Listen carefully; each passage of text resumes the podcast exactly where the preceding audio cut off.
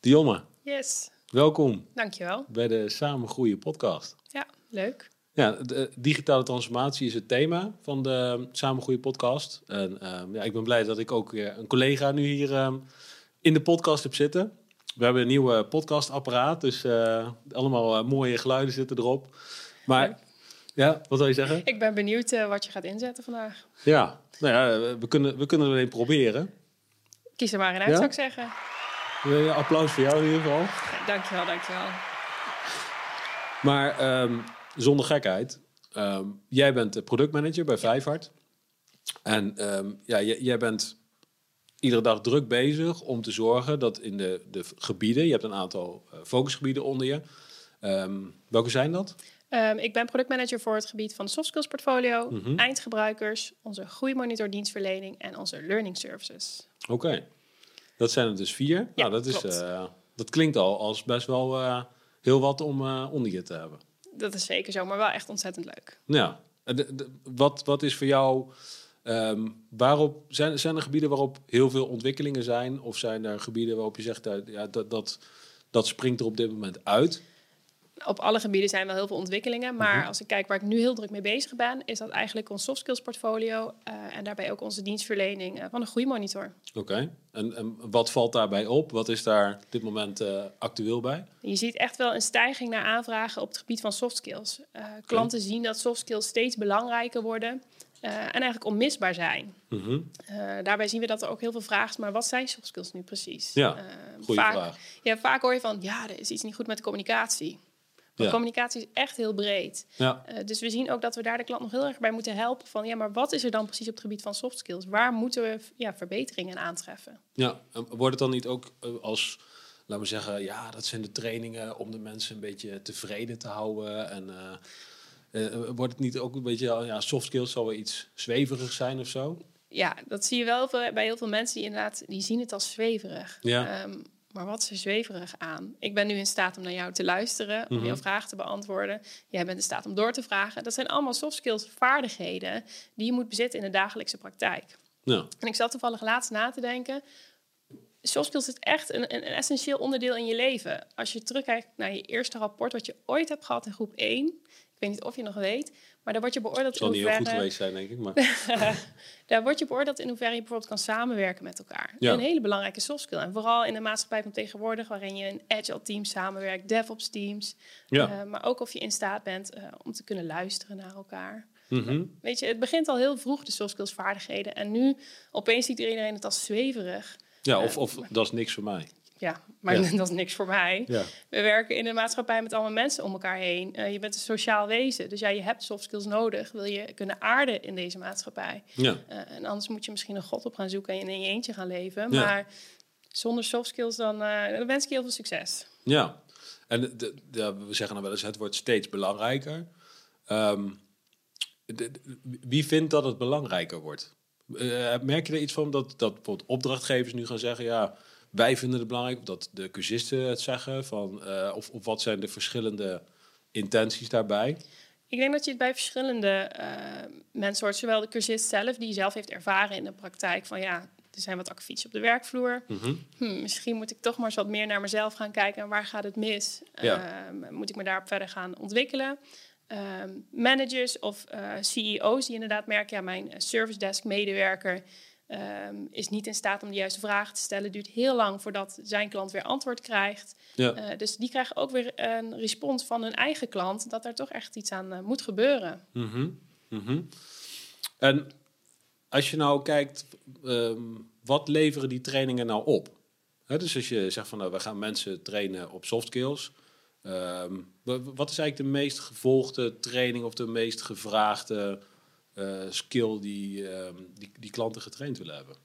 Eh, als ik terugkijk naar 2018 was dat bij ons time management. Ja, Daar hebben we echt wel de meeste inschrijvingen ook op gezien. ja, Eh, en dat vind ik ook wel opvallend. Ehm, en ik denk dat het ook wel ergens mee te maken heeft met eh, hoe we op dit moment of leven, hoe het is. Er zit veel tijdsdruk achter, je moet veel kunnen. Eh, en hoe zorg je nou dat je je tijd het best managt? ja, Ehm, dus daar zie ik echt heel veel vraag naar. Maar ook zie je steeds, nou ja, dat stukje communicatie, lekker breed. Maar wat is het dan precies? ja, Eh, de afgelopen jaar hebben we ook het aantal DISC-workshops gegeven. Want we zien ook dat daar vaak een stukje miscommunicatie is. Het niet begrijpen eh, van je eigen voorkeurstijl en communiceren en hoe dat overkomt op de ander. Disc, Maar- wat is disc? Eh, de disc geeft mooi weer in, ja, in welk kleurvak je zit, laat ik maar even zo Ja. noemen. Vaak krijg je een kleursymbool eh op je Mhm. gedrukt. Maar eigenlijk zegt het iets over jouw voorkeurstijl qua communiceren. Oké. Volgens mij, als ik jou mag inzetten, dan zet ik in op dat je Blauw. vrij rood, ja, blauw, blauw en rood bent. Nee, heel blauw erg, heel feitelijk, Ja. spannende cijfers. Mhm. Eh, als ik bij jou aan je bureau kom, hoef ik waarschijnlijk niet eerst te vertellen hoe geweldig mijn weekend helemaal was. Eh, Nou, of mag iets- Mag, maar ik denk dat je eerder denkt, kom op Dionne, Wa- Nou, wat ik- wil je ja. Waar staat het op? Ja, Ehm, en als jij dat weet van je collega's, eh, dan, weet je, dan kun je ook beter gaan samenwerken met elkaar. Beter Ja? communiceren. Ja, dat heeft echt wel effect. We hebben het hier binnen Vijfhart zelf ook gedaan natuurlijk, de DISC. Eh, recent heeft onze afdeling eh, Operations het gedaan. ja. En ja, die zijn ook gewoon heel erg tevreden, want die zien echt, of die hebben door, hoe communiceert de ander het liefst en hoe kan ik nou zorgen eh, ja, dat we op één lijn komen met elkaar. Oké. Nou, nou ik, ik heb ze natuurlijk zelf ook die, die disc, eh, de assessment heb ik gedaan. Ik noem het liever een analyse. Een Een analyse. assessment klikt zo alsof het goed of fout is. Oké, nou, een analyse. En ehm, ja, daar kwam best wel rood uit eigenlijk. Mhm. Maar de, de eye-opener was inderdaad dat je gaat begrijpen wat de, ehm, de basishouding van anderen in feite is en, de- en de reactiehouding. Hè? Ja. Want je ziet ook dat mensen die bijvoorbeeld eh, rood zijn, dat ehm, die ook blauw gedrag kunnen vertonen. Ja, het gedrag dat jij thuis vertoont, hoef je ook niet per se op je werk te vertonen. Ja, nou, dat is ook een mooie, ja. Ja, Ja. Eh, op, de, op de baas, eh, op de werk ben je, ben je de baas en thuis ben je...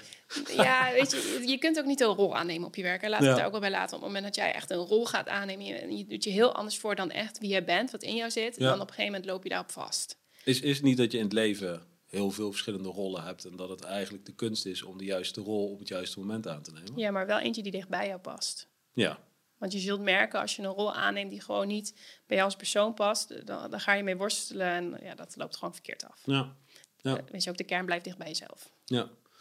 En, de, de, de disc workshops, Ja. is, dat, is dat een startpunt dan bij bedrijven? Dat je zegt van, ehm, of, of is dat een, tool die je inzet of vragen mensen daar uit zichzelf om? Hoe, eh, Ik zou hem niet zozeer als tool noemen, want ik vind een tool altijd zo. Ja, Ja. Het is geen tool, het is meer dan dat. Eh, maar wat wij doen in onze open rooster trainingen bijvoorbeeld van time management, effectief communiceren en nog een aantal, daar beginnen we, of daar is DISC een onderdeel van. ja, Omdat we ook zeggen bij time management, we kunnen je allerlei trucjes aanleren Mhm. om je tijd beter te managen.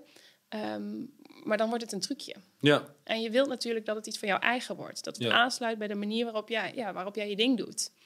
Eh, omdat anders de, de kans te groot is dat je terugvalt in je oude gedrag. ja, Eh, dus we beginnen bewust met die disc, zodat mensen bewust worden van... ja, oké, maar wat is mijn voorkeurstijl qua communiceren? Om ook echt hetgeen wat ze dan leren, de nieuwe vaardigheden... zodat ze daarop kunnen aansluiten en Ja. passend kunnen maken bij wie zij zijn. ja. Ja, ik zeg ook al tegen mensen van, eh, als je mij een e-mail stuurt, dan eh, kan het best zijn dat je heel lang moet wachten. Maar als je me belt, heb je meestal gelijk aan de Ja. Iedereen heeft natuurlijk een voorkeursinterface, zou je eigenlijk kunnen zeggen. Mhm. Ja, al zou ik hem niet zozeer schakelen dan naar of het bellen is of per mail...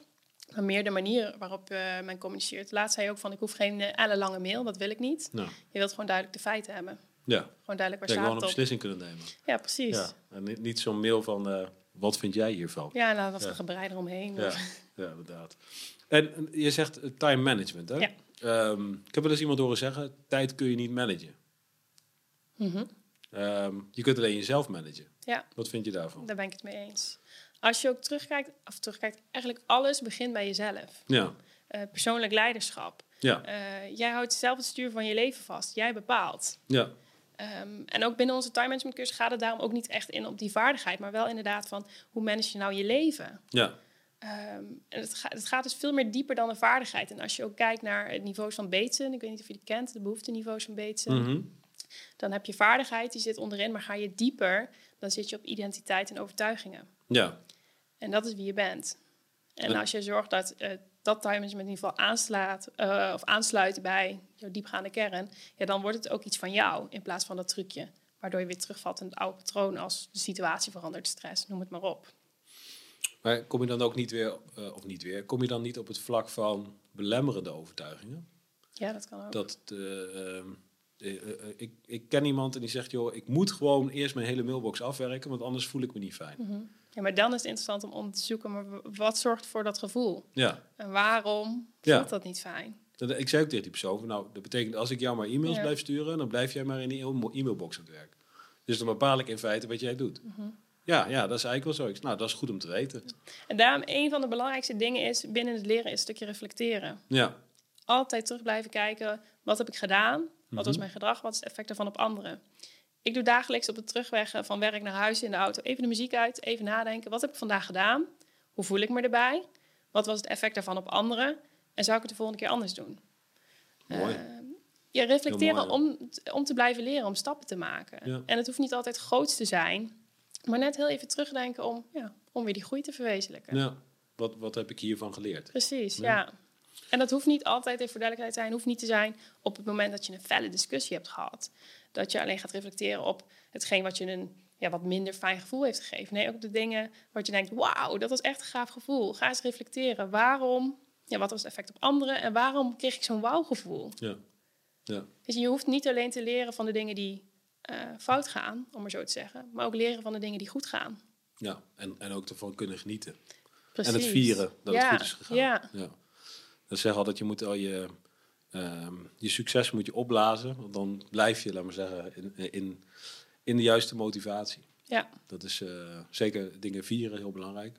Maar als ik nou dus het samen zou vatten, zou je eigenlijk zeggen van nou, het begint eigenlijk met verantwoordelijkheid nemen voor alles wat er om je heen gebeurt. Ja. En daar continu op reflecteren. Wat leer ik hiervan? Wat kan ik volgende keer anders doen? ja klopt. Oké.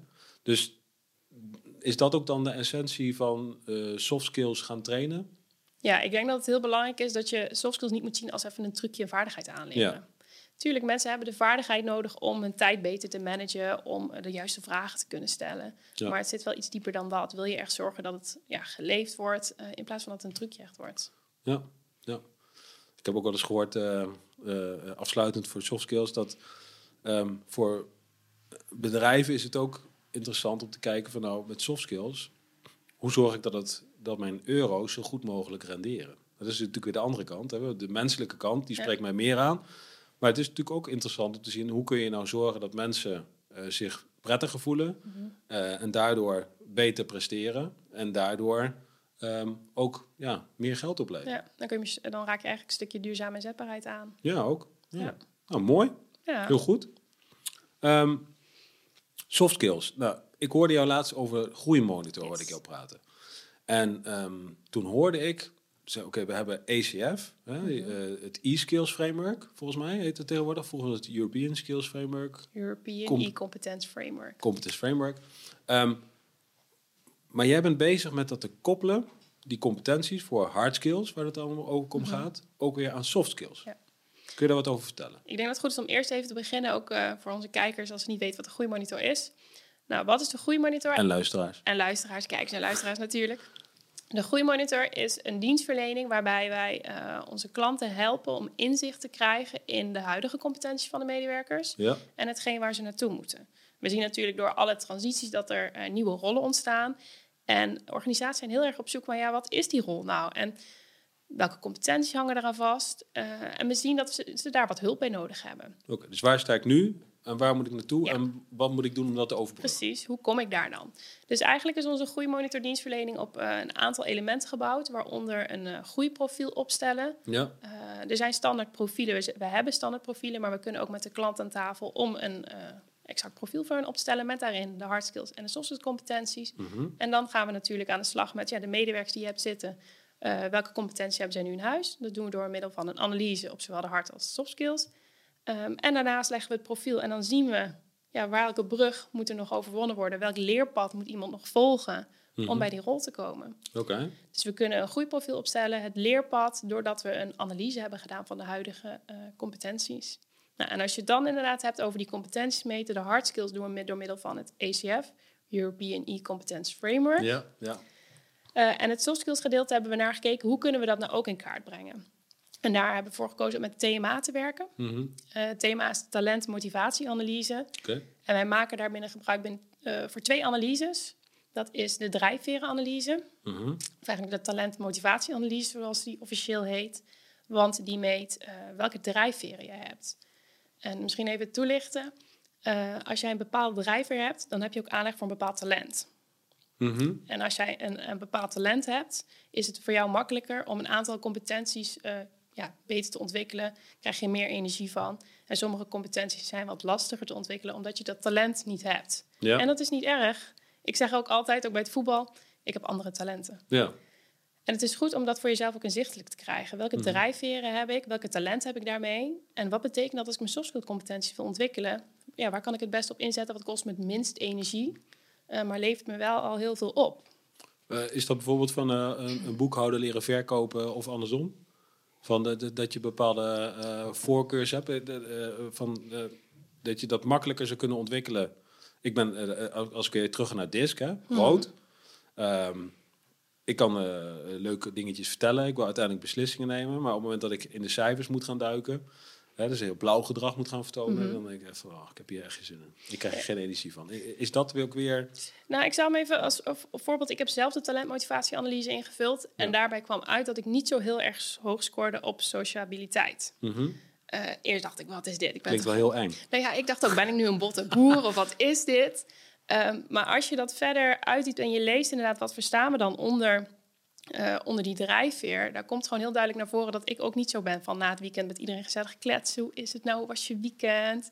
Op het moment dat ik iets van je nodig heb, dan zou ik misschien vragen, hey, hoe was je weekend? Oh ja, fijn. Oh ja, Ja. en eh, ik heb eigenlijk dit en dit nodig. Nee, ja.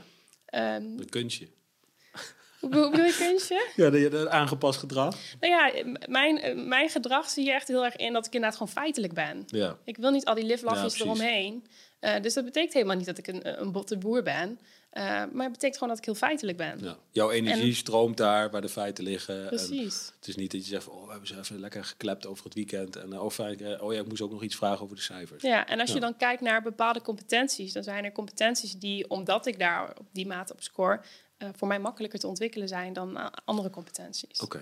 En eh, dat is ook heel handig en eh, goed voor de eh, werknemer om in te zien hoe scoort iemand op zo'n competentie. Of Ja. in ieder geval is die competentie makkelijk te ontwikkelen. En ga ik daarop inzetten om te trainen. Ja. Eh, want anders kan ik aan iedereen wel een training ge- geven over creativiteit bijvoorbeeld. Maar als iemand gewoon niet dat talent echt heeft, ja, dan kan ik er echt heel veel tijd in gaan stoppen. Ja, of er gewoon geen energie voor krijgt. Nou ja? Dus, precies. Ik wil helemaal niet creatief bezig zijn. Ik wil gewoon stapels werk verzetten. Ja, Ja. Nou. Oké, dus die thema die geeft jou voor jezelf inzicht. Van, Ja. joh, waar liggen mijn ehm, energie, mijn talentgebieden? Waar kan ik mezelf het makkelijkst in ontwikkelen? Mhm. Vind ik zo, zo ook een goed idee. Om wat goed gaat, om dat nog beter te maken. precies. Eh, probeer van een 7 een 10 te maken en nooit van Ja, een, eh Maar een 3 en vergeet 6. niet om die talenten waar je wat minder hoog op scoort, om die helemaal geen aandacht te geven. Zorg dat die stabiel blijven, Ja, eh, maar zorg inderdaad dat de talenten waar je echt heel goed in bent, dat die ook verder uitblinken. Want Ja. daar krijg je ook energie van. Maar dat is even het thema, wat ik zei, bestaat uit twee delen. Dat is die talentmotivatieanalyse, die drijfveer en talenten. Maar Ja. daarnaast wil je natuurlijk ook weten, oké, eh, ik wil dat mijn medewerker de competentie, competentie resultaatgerichtheid heeft. In hoeverre scoort hij daar eigenlijk al op? In hoeverre bezit hij die competentie al? Nou, dat is een tweede analyse die we ernaast leggen. Mhm. Dat is ook een, eh, je moet zelf een aantal dingen invullen. Bepaalde gedragsvoorbeelden moet je aanvinken of jij die inderdaad laat zien. Maar ik kan zelf natuurlijk een fantastisch profiel maken en ik kan dat zeker. Eh, dus het is een 360 graden feedback ehm, Oh. format. oké. Dus je moet je medewerkers of je collega's of vrienden, familie, noem het maar op, om feedback vragen, zodat je ook een goed profiel daarvan krijgt. Oké. En daarbij krijg je dus door die talent-motivatieanalyse en de competentieanalyse krijg je een mooi beeld inderdaad van in welke mate bezit ik welke competentie. En ben je daar dan eh, twee dagen mee bezig of zo om dat in te vullen? Of, eh? Nee, Oké. Eh, nou ja, ja, ik zeg nee, maar wees je van bewust als jij zelf die competentieanalyse invult. Je collega's of wie dan ook moet het ook invullen. Dus Ja. dat kan iets langer duren. Oké, oké.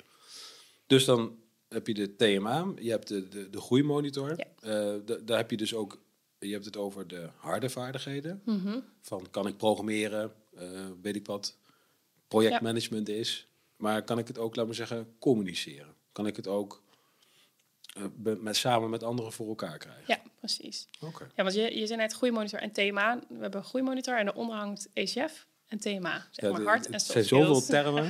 dat ik inderdaad, Ja. maar het, het, de essentie is in feite dat je, je koppelt hard skills, soft skills weer aan elkaar. Zodat ze tot een bepaalde competentie. Ja, je komt echt tot het totaalplaatje. Maar en hoe weet ik dan welke training ik moet gaan volgen? Nou, dat, daar hebben wij weer het leerpad voor. Aan de hand van die twee analyses, eh het harde en soft skill analyse om maar zo te zeggen, gaan we echt kijken naar welke trainingen zullen dan geschikt zijn. Eh, als voorbeeld, we zijn nu bij een organisatie bezig, heel leuk met een opdracht eh, waarbij ze nieuwe mensen eh, voor een nieuwe functie zoeken. Mhm. Daar hebben we een groeiprofiel opgesteld samen met Gerard Jansen. We hebben de analyse gedaan en nu zitten we met ertussenin. En we zijn druk bezig geweest om een leerpad te formuleren. Welke opleidingen moet iemand volgen om daar te komen? En doordat we ook weten welk, welke methodieken ze bijvoorbeeld belangrijk vinden, zoals ITIL en dergelijke, kunnen we dat ook meenemen in het leerpad. En op die manier kom je echt op gepersonaliseerde leerpaden.